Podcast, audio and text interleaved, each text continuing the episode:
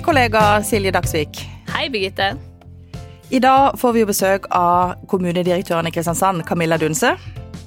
Jeg tenkte bare jeg skulle gå gjennom CV-en kjapt med deg, for den er ganske imponerende.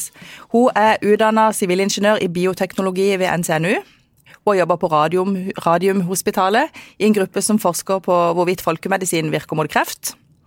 Hun har jobba i Kvinesdal, først som plan- og utviklingssjef, deretter kommunalsjef og til slutt som rådmann. Hun har vært styreleder ved Sørlandet sykehus.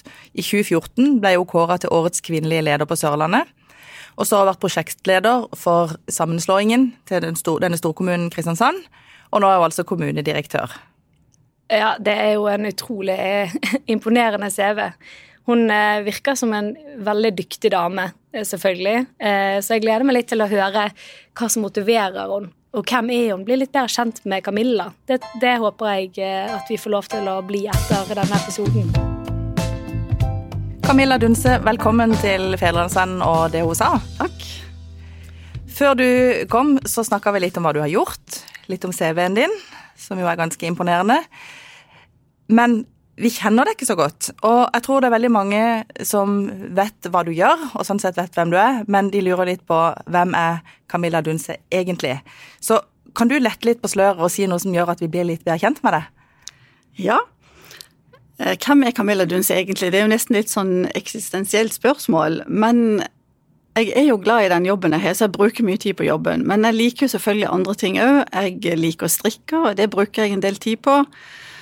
Og da kan jeg godt se på en god serie på TV-en. Og så syns jeg det er veldig mange gode podkaster. Og så har jeg en hund, så den går jeg tur med. Og så er jeg veldig glad i å spille. Jeg har spilt i korps siden jeg var liten, begynte i skolekorpset. Og nå spiller jeg i voksenkorps i Kvinesdal, og spilte litt sammen med et korps i Kristiansand. Et par eh, juleopptredener på Markens. Så jeg egentlig liker veldig mye forskjellig, og så liker jeg godt å lese. Så, men det syns jeg får litt lite tid til, men uh, veldig mange gode bøker. Og så tida strekker egentlig ikke til til alt jeg har lyst til å gjøre. Og så, sånn som veldig mange nordmenn, så liker jeg godt å gå litt tur. Prøve å komme meg ut i helgen. Må heldigvis ut med hunden min hver dag og gå på tur. Ja, sånne ting.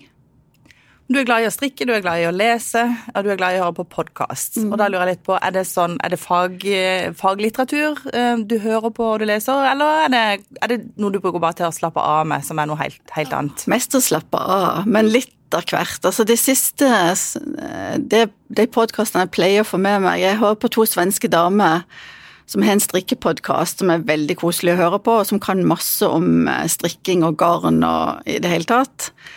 Eh, og så har jeg hørt på den der Trump mot verden, og norsken, svensken og dansken. Og den er bra. Den, den er kjempebra. Mm. Veldig bra, og det er så flott med den uh, panskandinaviske koblingen. For der tenker jeg at vi i Skandinavia, vi, vi er veldig heldige som har den uh, ja, det, de, landene vi bor i, fungerer veldig godt sammenlignet med mange andre land i verden, og der har vi noe å ta vare på. Og egentlig så er vi jo ikke så veldig store når en ser det i den store sammenheng. Så det at vi jobber litt sammen på tvers i Skandinavia, jeg syns jeg er kjempebra. Og så er det litt spennende at vi faktisk er litt forskjellige òg, selv om vi er ganske like. Og så er det sånn, Camilla, at du har jo faktisk en annen eh, bakgrunn enn bare norsk. Så det er jo ikke uten grunn til at du er glad i svensk, Nei. Eh, for eksempel. For du er jo egentlig svensk. Egentlig også. svensk, ja. ja.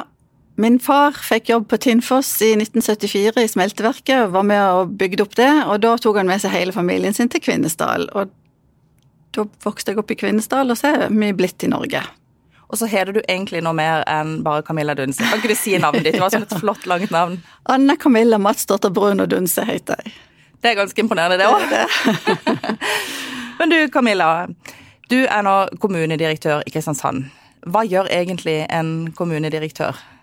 Kommunedirektør gjør utrolig mye forskjellig. Det er en kjempespennende jobb. Men den, den største oppgaven er jo selvfølgelig å, lede administrasjonen i Kristiansand kommune. Og være bindeleddet mellom eh, politikk og administrasjon. Men en kommer borti mye forskjellig, fordi at kommunen er jo så mangslungen og holder på med veldig mye forskjellig, og med mange folk med ulik kompetanse. Så en, eh, en uke kan inneholde mange forskjellige oppgaver. Alt ifra batterifabrikk til eh, hvordan vi skal ivareta utsatte barn og unge i pandemien, f.eks. Og mer sånne administrative ting, altså hvordan skal mobiltelefonreglementet være i kommunen. I det hele tatt det er veldig stort spenn om veldig mange interessante ting. Men da blir jeg litt nysgjerrig, for med en sånn jobb som inneholder så mye forskjellig, hvordan strukturerer du dagen din? Ja, det blir jo at en sitter mye i møter og treffer andre som jobber med de ulike tingene. Det er jo så mange flotte folk i Kristiansand kommune som kan veldig mye forskjellig. Og så blir det ofte til at en må ta unna e-post og andre sånne type ting om ettermiddagen, for mye av dagen går i, i møter. Men når du kommer hjem, så har du helt sikkert en del dokumenter du skal lese, og ting du skal forberede deg på. Eh, er det sånn at du, du koser deg litt med det? Sitter du med en kopp te og liksom stearinlys og, og blar i dokumenter og syns egentlig at det er ganske sånn ok å holde på med? Jeg synes det, Ja, jeg gjør det. Og jeg kan godt ta meg en kopp te, gjerne julete. Den syns jeg er veldig god året rundt. Eh, men eh, jeg må jo samtidig passe på at ikke jobben og at en har litt tid til andre ting òg. Og jeg kjenner jo det litt på meg sjøl hvis det blir litt for mye eller nå er det litt for hektisk. Så må jeg ta en liten timeout, men heldigvis så trenger jeg ikke ligge så fryktelig lenge til lading før energien kommer tilbake. Men du starta i den jobben i 2020, og ikke lenge etter så kom det en pandemi. Eh, var egentlig oppstarten? Det ble helt annerledes enn vi hadde tenkt. Eh, og når vi planla den nye kommunen, det holdt vi jo på med i to år før den nye kommunen så dagens lys. For da var du prosjektleder? Da var jeg prosjektleder for sammenslåingen med Søgne, Sogndalen og Kristiansand. Og vi hadde jo lagt noen planer for eh, lederutvikling, organisasjonsutvikling, eh, og mange ledere var jo nye i jobben sin. og Folk hadde jo flytta litt rundt, mange hadde fått nytt kontor, nye kollegaer. Og vi skulle jo bli kjent med den nye kommunen. Og så kom den pandemien bare to og en halv måned etterpå. Det hadde vi aldri drømt om kunne skje når vi planla den nye kommunen. Vi satt og tenkte på hva kan skje egentlig, for å være forberedt på det meste, men det var ingen som kunne tenke det. Så det ble helt annerledes.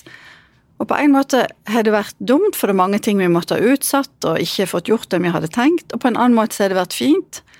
For um, når pandemien slo til, og det var alle mann til pumpen, så stiller jo organisasjonen opp, til tross for at ikke vi hadde fått øvd så veldig på beredskapsplanen. Vi hadde beredskapsplanen klar, men vi hadde jo ikke fått øvd dere noe, og mange hadde nye roller. Men vi, folk stilte opp, og mange har jobba veldig mye for at vi skulle takle den pandemien så godt som vi faktisk har gjort. Men når du ser på det nå, nå er vi jo kommet et stykke ut i dag, en begynner kanskje å få hodet litt over vannet. Hva, hva at, hva, hva, har du lært av, av den situasjonen som kommunen har vært i? Det som har gjort meg glad, og som jeg blir inspirert av, eh, og som jeg har satt pris på, det er akkurat den, eh, den måten vi har stått sammen i kommunen om å få dette til. Sånn at det ligger noe sånn veldig godt i oss mennesker. Så når, når vi virkelig trengs, og når det er noe vi må stå opp for, så samler vi troppene. Og så står vi på å gjøre den jobben som vi forventer oss. Det har vært utrolig fint å se at kommunen har stilt opp, og ansatte har stilt opp på den måten. Men har det vært noen tidspunkt i den eh, fasen vi har vært i nå, hvor du har tenkt at herlig land, åssen skal dette gå? Det har faktisk ikke det. For det vi i Kristiansand samla sett har jo Vi har hatt noen utbrudd, og vi har hatt uh, triste sykehjemsutbrudd, f.eks. Men det har, å, det har, vært til å, takle hele tida, og sånn som det er nå, når vi har såpass låg smitte i Kristiansand sammenlignet med andre byer, så lærer jo mye mye av de andre byene òg. Vi har jo Kristiansand er med i storbynettverket, så vi treffer de andre store byene med jevne mellomrom, og har lært mye av hvordan de har takla det, og hva vi egentlig må være forberedt på. Så jeg har egentlig ikke den tida vært i tvil om at dette kan vi klare, dette kan vi få stå, stå løpet ut. Det er så mange ting jeg har lyst til å spørre deg om, så jeg må bare få bestemt meg for hvor, hvor vi skal begynne. Men nå som vi er inne på det med, med, pandemi, så har jeg lyst til å spørre litt om det med å være i offentlighetens søkelys og være i media. For du, du virker alltid veldig sånn rolig og avbalansert og mild. Er du sånn på innsida òg? Ja, jeg er ofte det. Men jeg har jo øvd meg litt på det. For jeg har ofte tenkt sånn, hva er det verste som kan skje? Og veldig ofte så er det så er ting håndterbart når en tenker sånn. Og så har jeg tenkt at, at jeg som øverste leder um, Det er viktig at vi beholder roen uh, så lenge det ikke er nødvendig å ikke være uh, mer bekymra. Altså ikke være mer bekymra enn nødvendig. Det har jeg tenkt er viktig. Men når du tenker det der, hva er det verste som kan skje, så hva er det verste som kan skje? Ofte tenker jeg hvis noen dør av det, så er det, så er det da, da er det virkelig ille. Og pandemien har jo vært sånn, men det har vært litt annerledes enn en vanlig krise som kommunene egentlig øvde seg mest på, altså ting som skjer kutt. Plutselig er det en skolebuss som kjører veien, det går et skred, det er et eller annet som skjer der og da, og, all, og vi, må, vi, må, takle en situasjon der og da. Pandemien har vært helt annerledes, for den har vært sånn langtrukken i tid.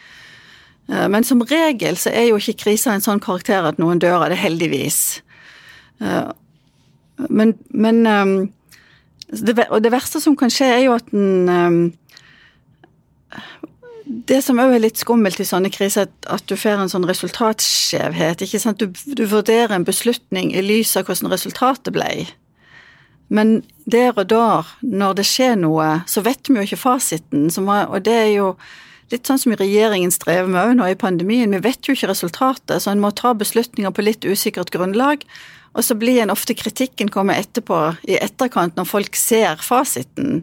Så det er òg hele tida viktig å tenke at de som er beslutningstagere, må ta beslutninger som de der og da tenker dette er det beste for kommunen, eller dette er det beste for landet. Og så eh, kan det være at hadde vi visst det vi vet om en måned, så hadde vi kanskje gjort ting annerledes. Men har du fått kritikk for noen av de beslutningene du og dere har tatt? Ja, det, det, og det er ikke annet enn å forvente. Jeg tenker at en bør jo eh, være kritisk til beslutninger som blir tatt, for det er jo den måten vi kan lære av. Men jeg har jo òg tenkt eh, ofte sånn at til lags at alle kan ingen gjøre. Eh, det er et gammelt, godt norsk uttrykk, og det sier noe om at um, i en kommune som Kristiansand, ikke sant, vi har 112 000 innbyggere, det er alltid noen som vil mene at ting skulle vært gjort annerledes. Men en må ta en beslutning som jeg tenker i det totale bildet er den beste for kommunen totalt sett. Og så må vi lære oss mye som vi jobber på et sånt nivå, at det er alltid noen som vil kritisere. Og så har jeg òg hatt et annet en, ordtak for meg sjøl, altså at ord har ikke mer makt over meg enn jeg tillater sjøl. Så når jeg blir utsatt for kritikk, eller, så tenker jeg ok, er det noe her jeg kan lære? Hvis det er det, så skal jeg ydmykt ta det til meg, og det gjør jeg. Men hvis det er sånn som oppleves som urimelig, så tenker jeg da må man bare legge det bak seg. For det, det handler jo om å ta vare på seg sjøl, og en skal stå oppreist. Både før og etter. Men har du alltid klart det, eller er det noe du har lært deg? Det er noe jeg har øvd meg på. Det er noe du øvde på? Ja. Mm. Men for mange ledere spesielt kanskje, så er det jo viktig å ha noen å snakke med som på en måte forstår både ansvar og hvordan det, forstår litt mer om hvordan det er å være det. Ehm, hvem har du rundt deg som du kan snakke med når det røyner litt på? Ja, jeg har jo en god mann som jeg kan snakke med, og så har jeg jo noen venner og noen uh, kolleger som har blitt gode venner. Uh, nå tenker jeg på andre kommunedirektører, andre damer og menn som har andre lederjobber på høyt nivå, som en kan reflektere litt sammen med når en står i både fine ting og litt vanskeligere ting. Og så, Du nevnte mannen din, og han jobber jo også i kommunesektoren. Han jobber som personalsjef i Hægebostad kommune. Så der blir det mye kommuneprat? Jo jo, vi er jo kommunefan begge to, men eh, det er litt andre ting snakker vi jo om, heldigvis. men du, det å stå i media. Ja. Det er jo en del som rett og slett er litt redde for det. Eh, de er redde for kanskje for å bli intervjua, for at noe skal komme ut feil. Eller de syns bare situasjonen er ubehagelig når de har søkelyset på seg. Men du, som jeg nevnte tidligere, du ser jo alltid veldig rolig ut. Er du sånn inni det? Ja, eh, men jeg, og jeg kan forstå at media er litt skummelt. Jeg syns òg media er litt skummelt. Eh, men jeg har tenkt at um, må en Det viktige er at det som altså hvis, det, hvis, jeg bruker kommuner som eksempel, at det kommunen står for òg kommer fram. For det er jo veldig mange som mener ulike ting, og det er ikke alltid en kjenner seg igjen i den, i den debatten som går. Um, men det som ligger litt i medias natur, er jo at sånn som vi snakker nå, det er jo sjelden en får tid til å, å ha noen sånn litt sånn lengre resonnementer eller reflektere litt over en sak. Det er liksom kort og konsist og gjerne litt eh, Hvis en kan skape litt konflikt ut av en ting, så, så vet jeg jo at det klikk, en flere, flere klikk på det. Så, så, det, det, så jeg kan forstå at noen eh, syns det er litt skummelt med media, og jeg kan synes det sjøl. Men jeg, jeg, allikevel så jeg tenkte at det beste er allikevel å stille opp. Så hvis du skal gi råd til, til andre da, som lurer på om de skal tørre litt oftere å ta ordet og, og stå litt, litt fram, hva, hva, skal det rådet være da? Jo, jeg tenker at, at en bør stå litt mer fram. For det, det, det, det å ta del i den offentlige debatten er jo viktig. Eh, ifra, for da kan en kanskje få en litt mer balansert offentlig debatt enn hvis mange velger å ikke delta. Du, når denne kommunen skulle skapes, den nye storkommunen Jeg kan tenke meg, og jeg vet jo selvfølgelig også ut fra det vi har skrevet om og uh, det som har kommet fram i media, at det, jo ikke alle, det er jo ikke alle som har vært enige. Uh, hva syns du har vært det vanskeligste? Det må jo ha vært en helt sånn ellevill prosess å, å få ja. dette til? Det var, jo, det var, jo, kjempespennende å få lov å bygge en ny kommune. Altså det er jo sånn, For meg som er så glad i kommunesektoren, så er det jo sånn once in a lifetime en kan oppleve noe sånn. Så det var veldig spennende jobb, og vi holdt på med mye, mye forskjellig. Altså, om jeg kan peke på noe som var det vanskeligste Men Hvor begynner du hen? Liksom? Hvor starter du? Ja, vi, ja, vi begynte, eh, Det er jo en del kommuner som har gått foran oss og slått seg sammen. Så vi leste jo noen av de evalueringsrapportene, ikke sant, hva er viktig å huske på. Og det er jo veldig mange små detaljer. For eksempel så når det blir en ny kommune og nytt fylke, så får jo alle innbyggere nytt gårds- og bruksnummer. Og dette skal jo legges inn i Kartverket sin portal. Det er jo en liten detalj, men det berører egentlig alle innbyggerne. Så det er de store tingene, helt fram til eh, liksom det overordna visjonen som fellesnemnda satte for å bygge den nye kommunen, om at vi skulle være en framoverlent kommune og ja, mange sånn eh, det som, det som engasjerer meg, å få lov å være med å utvikle kommunesektoren og utvikle Kristiansand kommune. Så jeg kan ikke si at noe var vanskeligst. Det var egentlig mest uh, inspirerende å holde på med, syns jeg. Hva tenker du er det beste vi har oppnådd med sammenslåinga? Hun, hun, kollegaen min i Drammen hun har sagt at ikke mål kommunesammenslåingen før det har gått tre-fire år, for det tar tid. Det tar tid å bygge en ny kommune. Jeg tror jo at Norge eh, må ta noen grep når det gjelder kommunestruktur. Og Det handler nå om å en bærekraftig kommunesektor for framtida. I alle fall ta en diskusjon på hva skal kommunen være. Eh, når vi ser den utviklingen som er nå, med at vi sannsynligvis både stat og kommune kommer til å få mindre ressurser framover, eh, hvordan kan vi da best være kommune, og hvordan kan kommunesektoren rigge seg for å ta vare på innbyggerne, sånn som vi har gjort nå, altså ta, rett og slett ta vare på velferdsstaten. Da tror jeg at litt større kommuner er, gjør det lettere å bygge en, en, en, god kommunestruktur. Altså vi kan få kraftsamle ressursene våre, vi kan få litt mer eh, spesialister, ikke så mange generalister. Og så tenker jeg det kan fint gå hånd i hånd med, med innbyggernes identitet til de, de, mindre delene av kommunen. Jeg bodde jo flere år i Bærum sjøl, og da bodde jeg på Bekkestua. Og det var på en måte Bekkestua som da var mitt, eh, min, min, mitt lille sted i Bærum. Og sånn er det jo for oss som bor i Kristiansand òg. Altså de som er, bor på Finnsland, så er Finnsland de sitt lille sted i Kristiansand. Eller Randesund. Eller Kvadraturen. Der du møter menneskene, naboene dine, der du har barnehagen og skolen, der du treffer folk på butikken. Den identiteten kan fint gå hånd i hånd med at du har en, en, en større overbygning over kommunen, tenker jeg. Jeg hører når du snakker at du brenner veldig for dette med kommunen. Um, og da jeg spurte en av mine kolleger om han kunne fortelle meg litt om det, for vi har aldri møtt hverandre før, Nei. så jeg, var, jeg, måtte gjøre litt research, så sa han at uh, jo, eh, Camilla Dunse hun er nok uh, Norges største ekspert på kommunen. Wow! og så vet jeg jo at det var jo ikke nødvendigvis gitt at du skulle komme til å jobbe i en kommune, og du sa noe til meg da vi snakka i forkant om Du brukte ordet kommunegrå, tror jeg. Mm -hmm. Ehm, du syns egentlig det hørtes litt kjedelig ut før du begynte å jobbe? Ja, jeg syns det. Ja? Jeg jobba jo som, eh, tok en doktorgrad når jeg jobba på Radiumhospitalet i biokjemi, og jobba som forsker i fire år der. Og så had, fikk vi jo tre unger etter hvert, og vi bodde på en ganske liten leilighet i Bærum. Og så var spørsmålet skal vi flytte tilbake til Sørlandet, eller skal vi finne oss noe nytt sted i Bærum. Så fant vi ut at ok, vi flytter tilbake til Sørlandet, og da hadde ikke jeg noen jobb, da var jeg i svangerskapspermisjon med den yngste dattera mi, så vi valgte vi å flytte tilbake til Kvinesdal. Og så ringte han som var rådmann da og lurte på om jeg hadde lyst på et vikariat som plan- og utviklingssjef. Det syns jeg egentlig hørtes skørrkjedelig ut, men jeg tenkte jeg har jo ikke noen jobb. Men det var ganske så stor overgang fra å jobbe eh, i et forskermiljø Ja, det var til å jobbe det. i Kvinesdal Ja, det var det. Men jeg visste jo når jeg flytta tilbake, at uh, da måtte jeg jo si farvel til forskningen. Altså, for du kan ikke være ute lenge fra forskningen før du blir akterutseilt.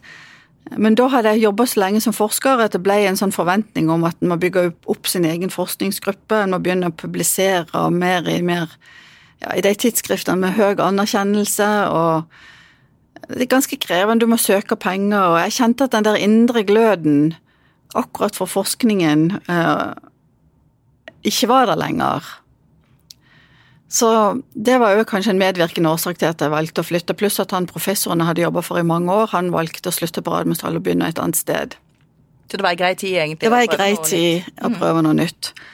Og så sa jeg ja til den jobben, eh, og tenkte at jeg hadde ikke noen forventninger, men jeg hadde ikke vært der lenge før jeg skjønte at jeg tok feil. At kommunesektoren egentlig er et fargerikt fellesskap og en eh, men jeg mener jo at det er en av de viktigste institusjonene i dette landet for å, å rett og slett ha en, et velferdssamfunn sånn som vi har i dag. Så jeg ble, ble såpass glad i kommunen at jeg har, har rett og slett blitt der helt fram til i dag. Og så har du jo kombinert det med litt andre ting også. For du har Mhm. ikke bare jobba i kommunen, du har også hatt styreverv.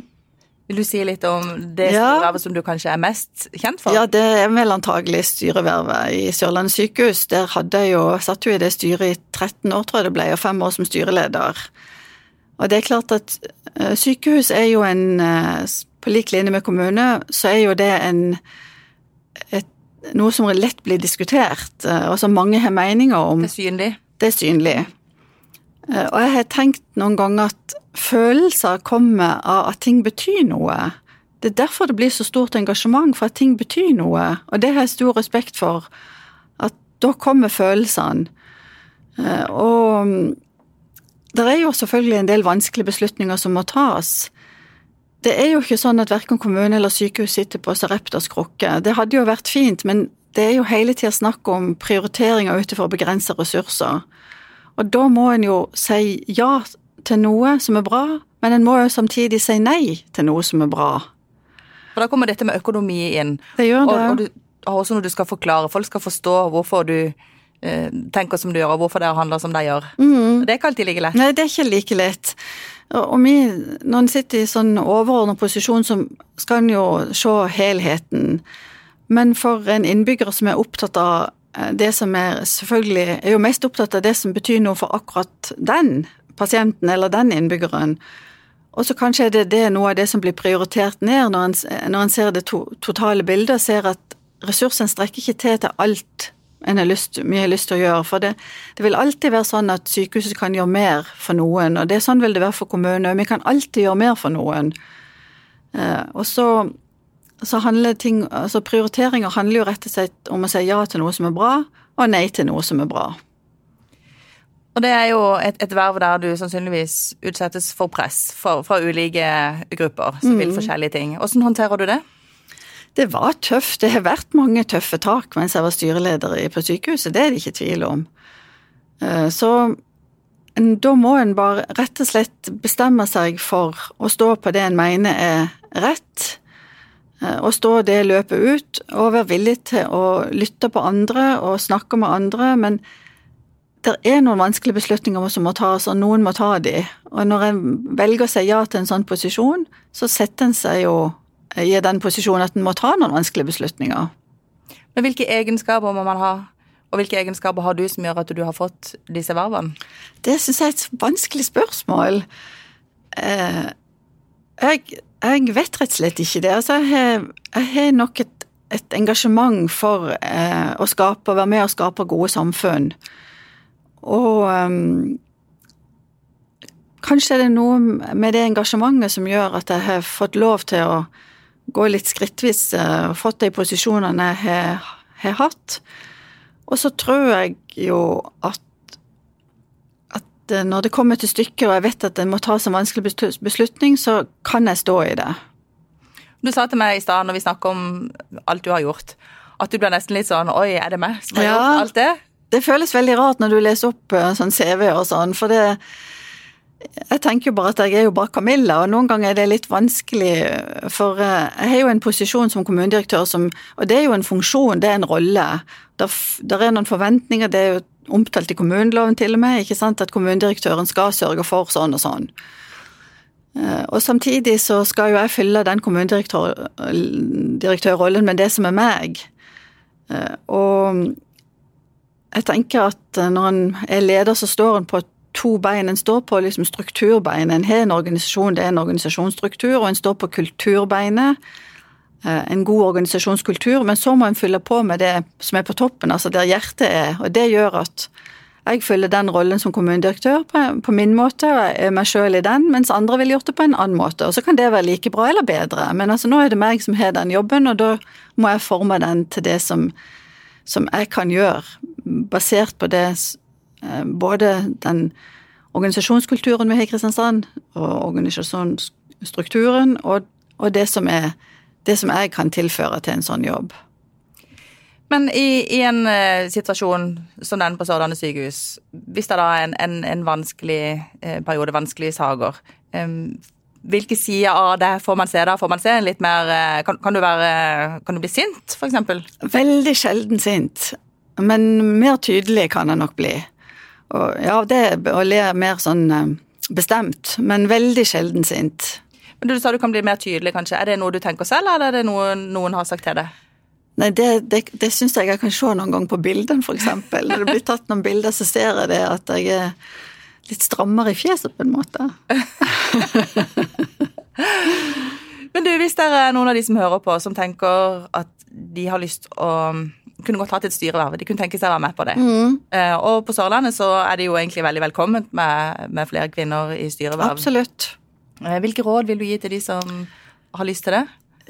Jeg fikk uh, et godt råd en gang av Ann-Kristin Olsen, som var har jo hatt mange spennende jobber, men som var fylkesmann på Agder. Og hun sa en gang i et foredrag for mange år siden si ja. Når anledningen dukker opp, si ja. Selv om du syns at du har ikke tid, eller du, du, er, du, er, ikke kompetent nok, eller det er masse sånne menner hele tida, si ja. Og det, den, den, lyden har jeg hørt mange ganger når jeg har fått spørsmål om ting som jeg tenker nei, jeg har egentlig ikke tid, eh, det, det passer ikke sånn og sånn, men så har jeg likevel sagt ja. Ann-Kristin Olsen vet jeg er veldig opptatt av, likestilling og har vært en mm. god rollemodell for mange. Um, hvor opptatt er du av likestilling? Jeg er opptatt av likestilling i den forstand at jeg syns at um, kvinner og menn og andre Altså, vi deler jo ofte folk inn i båser, og at, at, vi ser på hverandre som mennesker. Uavhengig av vi hvilket kjønn vi har, eller hvilken legning vi har, eller hva det måtte være som gjør at vi setter hverandre i båser, så er vi mennesker. Og jeg tror at samfunnet, og jeg er helt sikker på at samfunnet blir bedre av at menneskene får lov å blomstre med de mulighetene og den kompetansen og de ønskene som de har, uavhengig av kjønn. Så det handler, altså det handler for meg om at vi har plikter og rettigheter i et samfunn, uavhengig av hva slags kjønn vi eventuelt måtte være. Så det, likestilling for meg er det at alle kan delta på samfunnet på, på like vilkår, ut ifra de ressursene og de mulighetene de har. Men nå er jo du i en posisjon der du faktisk har mulighet til å påvirke ganske kraftig. Og du, du har også en, en, veldig offentlig rolle. Eh, bruker du posisjonen din til å fremme likestilling? Ja, jeg oppfordrer i alle fall alle som spør meg, som er, er, er damer, da kommer med den 'si ja'. Får du noen utfordringer, si ja. Og så er jeg jeg vet ikke om jeg er litt sånn eh, fargeblind, jeg tror kanskje det. For det er veldig sjelden jeg tenker gjennom det at ja, men nå var det en gutt, eller nå var det en, en jente, eller nå var det en dame eller mann.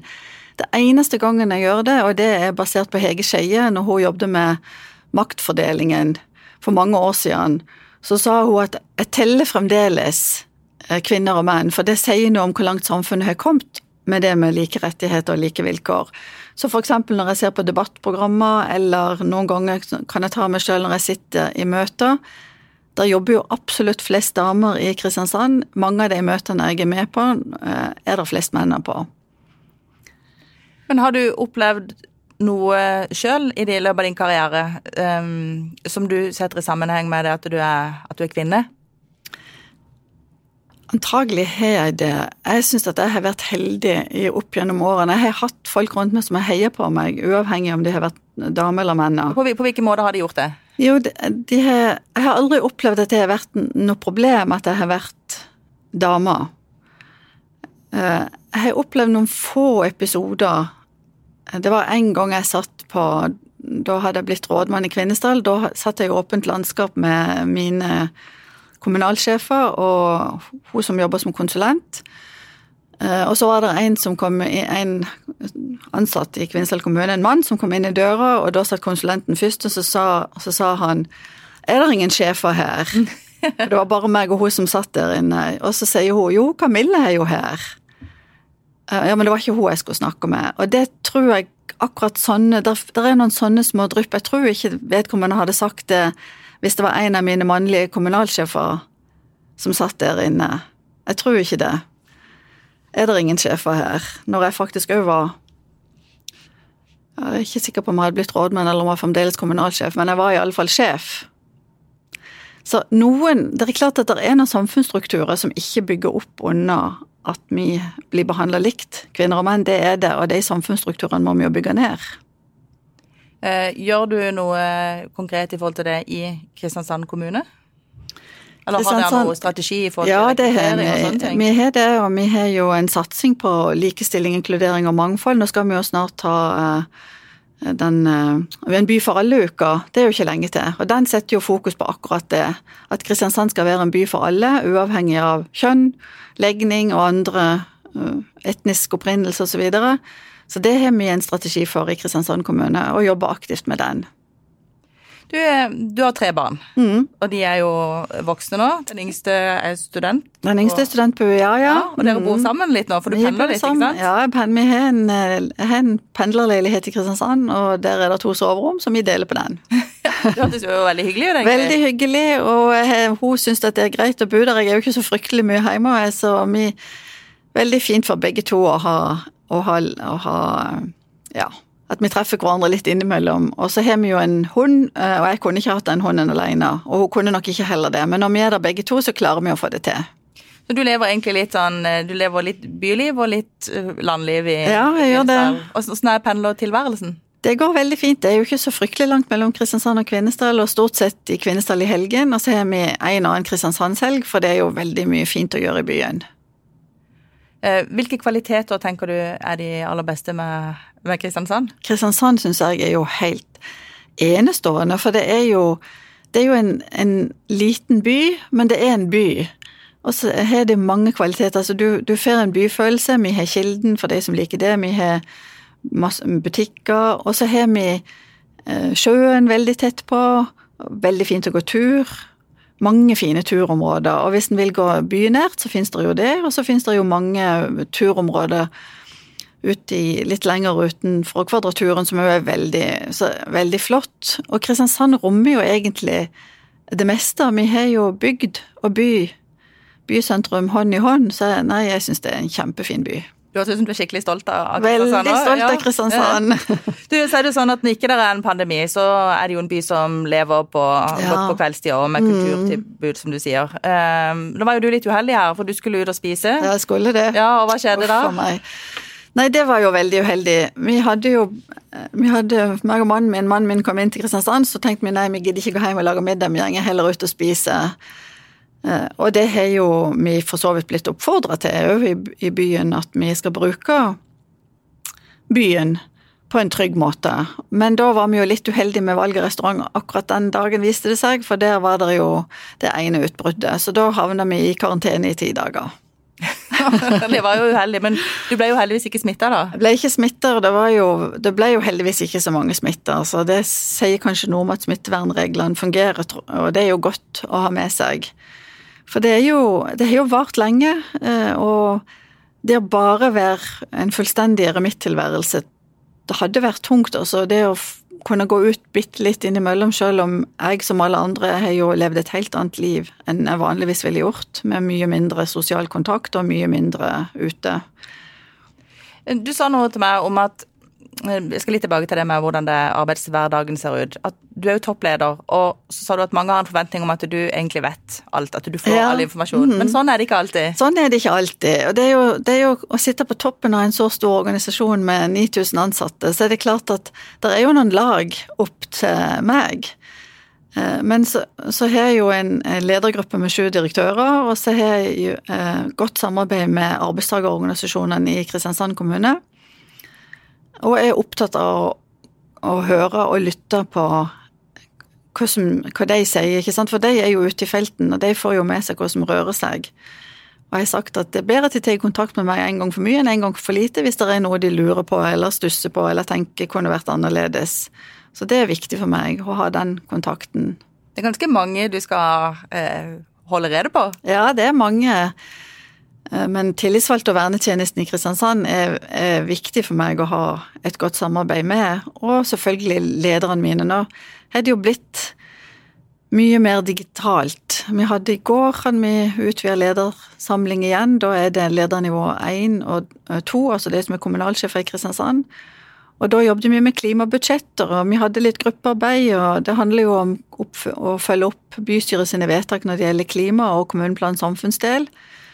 Og det første vi gikk løs på, var klimabudsjett. Men det funker jo, selv om en går glipp av den eh, praten over kaffekoppen, og en blir ikke så godt kjent med hverandre. Men når situasjonen er sånn som den er, så er det iallfall bedre enn ingenting. Men hva slags folk er det du må ha rundt deg for å gjøre en god jobb?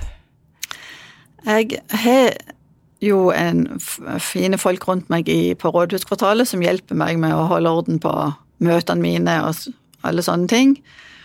Eh, hjelper til med litt saksbehandling og sånn. Og så har jo direktørene mine, ledergruppa mi. Det er jo veldig viktig samarbeidspartner for meg, og der jeg henter både inspirasjon og ja, der vi står sammen om å gjøre den jobben på toppen av Kristiansand kommune, og så sørge for at, at organisasjonen eh, gjør den jobben vi skal.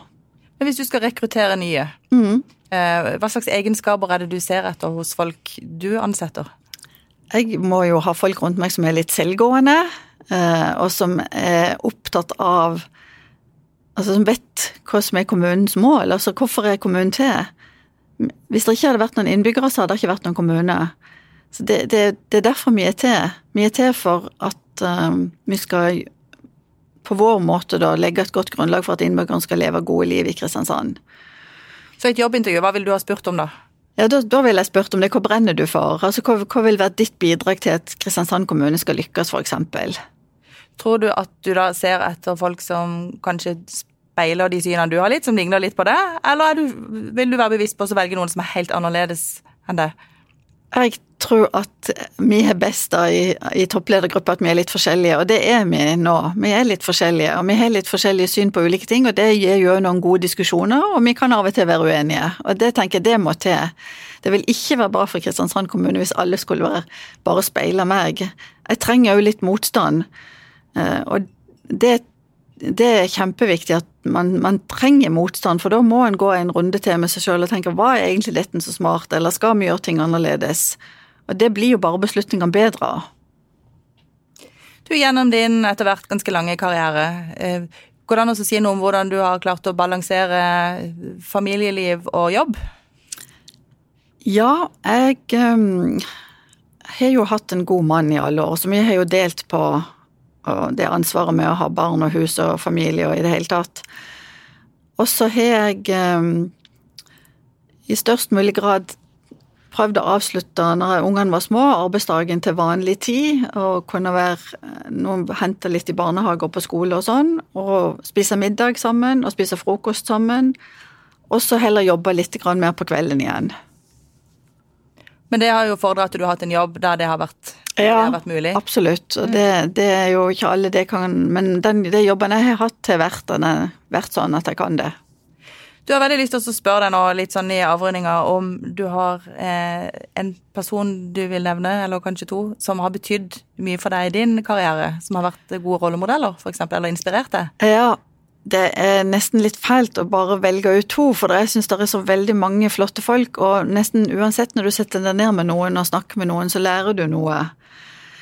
Eh, men den, jeg nevnte han Kristin, og den, akkurat det hun sa om å si ja, det har vært viktig. Det var et godt råd som jeg har brukt, og som tror jeg kanskje har vært med å bidra til at jeg har tørt å si ja til en del ting som syns kanskje virker litt store. Prøver du å være den personen for andre nå? Jeg prøver det. Ja. Hender det at noen kommer til deg og så, og så spør om råd? Ja, det hender. Ja, det hender.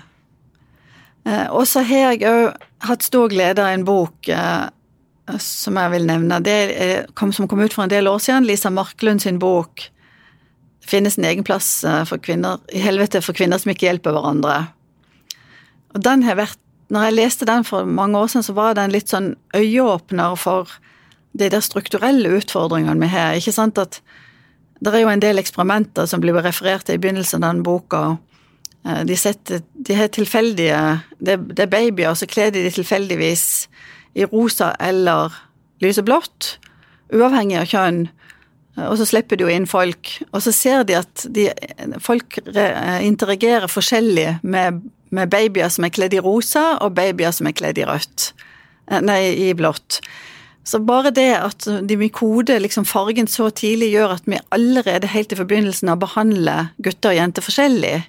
Og det, den, og det er eksempel at symfoniorkesteret i stor grad har bestått av mennene. Er det fordi at mennene er best til å spille, eller er det andre ting? Nå er det jo heldigvis en del kvinner også som spiller symfoniorkester, men tidligere var det ikke det. Og da de, gjennomførte de jo eh, sånn intervju, eller sånn når folk må prøvespille først uten gardin. Og da var det flest menn som ble rekruttert inn, men når de satt bak et gardin og de ikke visste hvordan kjønn det var som spilte, så er rekrutteringen ca. 50-50. Og det sier jo noe om de strukturelle utfordringene vi fremdeles har i samfunnet. Så den, den boka og Lisa Mørklund sin tilnærming til det har vært òg en inspirasjon. Du, Er det andre råd som du kan dele til de som eh, hører på? Ja, vær, vær, litt modig og ha tro på deg sjøl, rett og slett. Altså, du, hvorfor kan ikke du når andre kan? Et godt råd. Tusen takk for at du ville komme til det hun sa, og fortelle om dine jobberfaringer. Takk skal du ha. Du har lytta til Federlandsvennens podkast 'Det hun sa' med Birgitte Klekken. Har du tips til andre bra damer vi bør snakke med, eller har du lyst til å dele inspirerende erfaringer fra ditt arbeidsliv? Ta kontakt på dethosa1fn.no.